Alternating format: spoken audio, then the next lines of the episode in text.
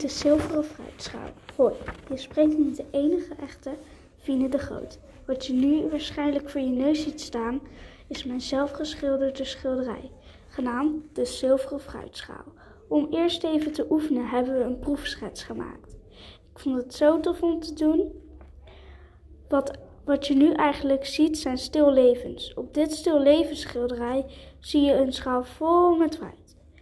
Mijn pronkstuk is de ananas. Misschien denk je nu, huh, wat is een pronkstuk nou weer? Dat ga ik je nu in vijf woorden uitleggen. Het mooiste uit je collectie.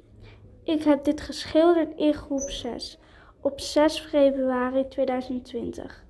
Ik heb dit geschilderd met het project Levens en we hebben het gehad over pronkstukken. Ik vond het echt super tof om te doen. Eigenlijk vond ik de proefschets super mooi. Dus ik vond het zonde om een nieuwe te maken. Maar toen ik helemaal bezig was met de tweede schets, vond ik deze eigenlijk veel mooier. Dit was het dan weer. Tot de volgende keer. Met hartelijke groet aan Fine de Groot. Rudy, wacht! Nog niet weggaan. Ik heb nog één vraag. Als je mijn schilderij mocht beoordelen, welk cijfer gaf je me dan?